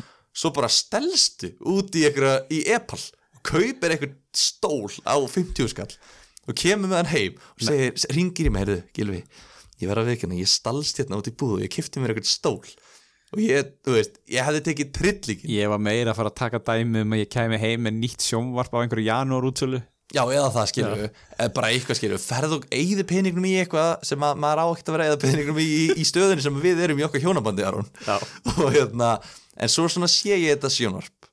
Og ég er svona já, þetta er alveg fínt. Svona þegar ég, þegar ég sé það skilur ég var, ég var en, þetta, en ég er alveg tilbúin að fyrirgefa þetta með þessar, með þessar hérna, breytingar? Ég hugsaði líka sko þú veist mér er farið að finnast það góð taktík með fyrra vældkartið að taka það snemma. Mm -hmm. og þú veist að taka það eftir svona þrjár, fjóru umferðir. Já, og ég hugsaði svolítið bara svona af hverju ætti setni hluti tímbilsins að vera eitthvað öðruvísi? Af hverju ætti eitthvað að vera já, já. verra að taka vældkartið núna skilur mm -hmm. þannig að ég náði að samfara mig um þetta og, og líður í svolítið bara vel með þetta. Ég er ekki með, það kalla svona bias remorse þegar maður sér eftir að hafa keift eitthvað. Svo nýja sjónvarpi til dæmis. Já, já, já. ég finn ekki fyrir því sko. Mér líður bara ansið vel með þetta. Já, það er líka oft talað um með svona dót sko, að þú vilt nota vælkarti yfirleitt, ok, margir tala um það. Ég hef ekki alveg myndað með skoðun á því. Ég held ég sé ósamála því, Mm. en margir svona sérfræðingar, fantasi sérfræðingar tala um að þú vilt nýta vælkartið úr sterkri stöðu í rauninni, já, þú veist, þú vilt ekki nota vælkartið þegar þú þarft þess já. heldur þegar þú vilt það. Þú vilt ekki spila því í hérna í reyði eða pyrringi Nei, skilur mig? Já, nei, nei, þú vilt vera í góðu jafnvægi en, svona, en þú fattar að, að, að þú sért með fínt lið, þú veist, þú varst það var ekkit að liðinu þínu stórt, sko. Nei, nei, þú varst kannski með Traore og Calvert Lúin og svona aðeins sem hefði mátt finnpúsa skýru en liði var solid þú ert þú veist, 66 stig í síðustu umferð það er engin að öskra á neina breytingar en að gera það í akkurat þannig stöðu eru margir sem tala um að sé gott. Ég held reyndar að ég sé ósamálaði sjálfur en ég vildi bara miðla þetta til þeirra sem er að hlusta að, að þetta er þetta er alveg áliti fínt. Já, en þá hugsaði ok, en, en af hverju ættur ekki að vilja þegar liðið þetta er í henglum? Ef að það endar þannig, það eru meðslegar bönn og svo bara detta með nú formi. Áður en þú veist að verður bara með Luka Milivojevic, Gilvar Sigursson uh, hérna, Mopay Calvert Lúin og fullt af ykkur leikmenn sem eru ískaldir. Já, af hverju ættur þá ekki akkurat að nota það? Já, já. bara, að, bara rí, veist, losna við þjáningar þar þetta er auðvitað bara mismundi strategi Já, já, algjörlega. ég mun við getum rætt þetta fram og tilbaka og við munum gera það en, Já, en hérna, þetta er það sem að svona, mér leið vel með. Og, og hérna og þurfti að spila vældkartinu til að ná þessu þannig að En líð- ég, ég ætla samt svona fyrir hönd okkar hinna sem ætlum að, að hanga áfram. Ég ætla að vera agaður og halda halda vælkartinu í bankanum. Og ég ætla Já. ekki að spila því fyrir en eftir umferð 30 í fyrsta lagi. Yes, ég bara, mér líf bara líst vel að það. Og já, þetta, er, þetta er svolítið líka bara gaman að sjá okkur hérna svolítið representera sikkura strategið Já, já, klárt Svo teljum við bara upp á pókarum í lokin. Já, já, Ég er komin með tveggja sigra sagt, sex stiga, tveggja sigra forskott í head to head deildin okkar. Já, og ég ætla að viðkynna það, ég glemd að setja inn á Instagram, ég ætla að setja inn hérna áskorunina þess að setja, möguleika fyrir hlustendur að setja inn hugmyndir. Já, hugmyndir að, að refsingu fyrir taparann leiðilegt að hafa ekki gert það þegar þetta var jafnara, af því núna er ég vantalega að fara að stinga af. Uh, en hérna, ég þarf að drífa með að setja þetta inn bara núna, beint eftir þá setja þetta inn, þannig að hlustendur að því við vorum að tala um þetta í síðasta þætti uh, að við ætlum að vera með uh, keppni í head to head dildin okkar. Og, og staðan er 11.9 fyrir mér eins og er. Ég er alveg til í að byrja bara nýja upp á byrja að tellja frá nulli þannig að þetta sé jafnt eða samkjönd að hérna, við ætlum að setja inn þannig að hlustendur geta, geta stungið upp á einhvers konar refsingu sem að, sem að taparinn mun þurfa að taka í lók tímabils. Mjög spenntur. Fyrirliðin í næstu umferð er? Uh, Kevin De Bruyne. Já. Ætli hann verði ekki Ætli hann verði ekki vinsalasti fyrirliðin? Jú, ég hugsa það. Önnur honorable mentions? Uh, ég var að setja bandið á hann og taka það af Sala Já.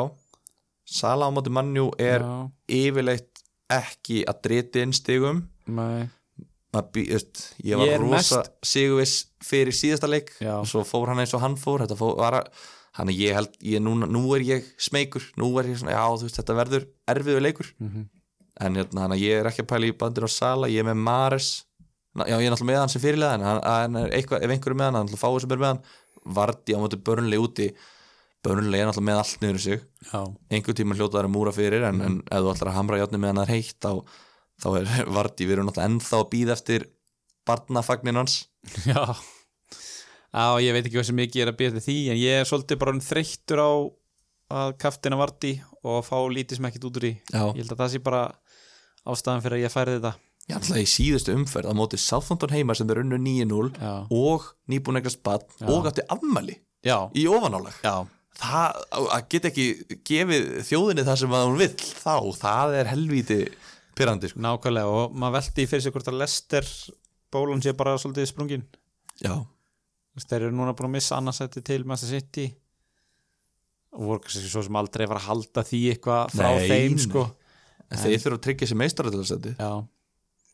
Uh, Annað svona sem kom til greina hjá mér kannski er að mér gaman í liðinu mínu það er hvað, tveir leikmenn sem eiga útileik hér restinu á heimaleik Já, og ég, núna er ég með kantvel á móti Borm og það heimaðalli það er gott. Sem er góðleikur uh, Ings á múti Vúls heima. Ég kannski þú er ekki alveg að skella bandinu á Ings. Það sem að hann þó hann skori í öllum leikjum þá er það yfirleitt ef við um talað um 6-9 stig 5 ef hann ætla að rífa sér úr ofan. Já, já. En 6-9 steg fyrir fyrirlega er bara það er bara það er solid mjög sko. þólanlegt sko. Ég myndi alveg fá, ég setti mynd inn á, inn á story hjá okkur. Um daginn þá setti ég inn stig. 5, 6, 5, 6, 8, 6, 6 já, myndir þú sætta þig við þessi stig frá 10 miljón krónu sóklimanninu bara stöðugt returns. Já, og komið svolítið, það voru svolítið margir sem að voru ekki til í það. Já það var svolítið margir, ég bjóstu að flestir eru bara sátti við þetta. Mhm. margir, hérna, samfélagið okkar kröf, gerir kröfur. Já, já, og hérna, og þeir voru ekki til í það. Var þetta mynd af Joe Gomez. Já, þannig að hérna, ég plataði þjóðina.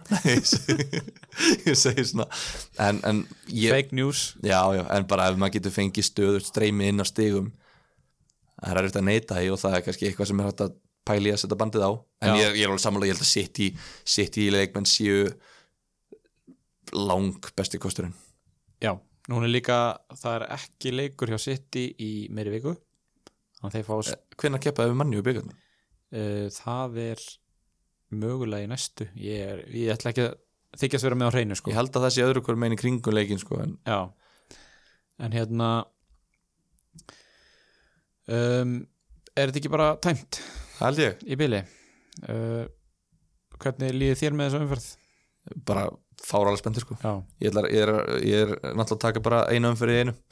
En ég er á góðu, góðu róli og aldrei að vita nema að ég komi hérna í næsta þátt upp fyrir eina miljón Uss. og þá er ég nú farin að saksa heldur betur á þig. Það stýttist ég að ég veri komin fram úr þér. Já.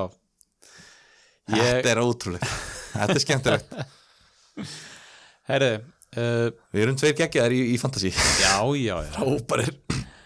Munið að breyta liðunum ykkar fyrir háti á laugadag fyrir leik Watford og Tottenham sem fyrsti leikur umferðarinnar. Og finnið okkur á Instagram. Og þú ætlar að setja inn hugmyndir að refsingum já, nei, hlustendur. Já, nei já, þú ætlar að setja inn- fæslu já, bara mynd af þér bara að borða sushi eða eitthvað. Og svo bara fyrir neðan verður bara þú veist. Þa, þannig að þeir, þeir komment, er það ekki? Jú, eða ég var að setja í story og fá hérna, eða veit já, setjum í story. við finnum eitthvað út úr þessu, alltaf finnum okkur á Instagram og, hérna, og, og skoðið það sem við erum að setja þar finnið Nemi á Instagram, finnið Workclass á Instagram finnið bara alla, alla meðlimi Nemi í samfélagsins uh, þið hittið einhvern í Workclass, bara knúsið hann fyrir okkur bara við bjóðum að velkomna í fjölskylduna og bara hlökkum til hlökkum til uh, framtíðarinnar með ykkur. Og svo heyrist við í næsta þætti þar sem við förum yfir uh, þá tilvonandi tvöföldu umferð. Já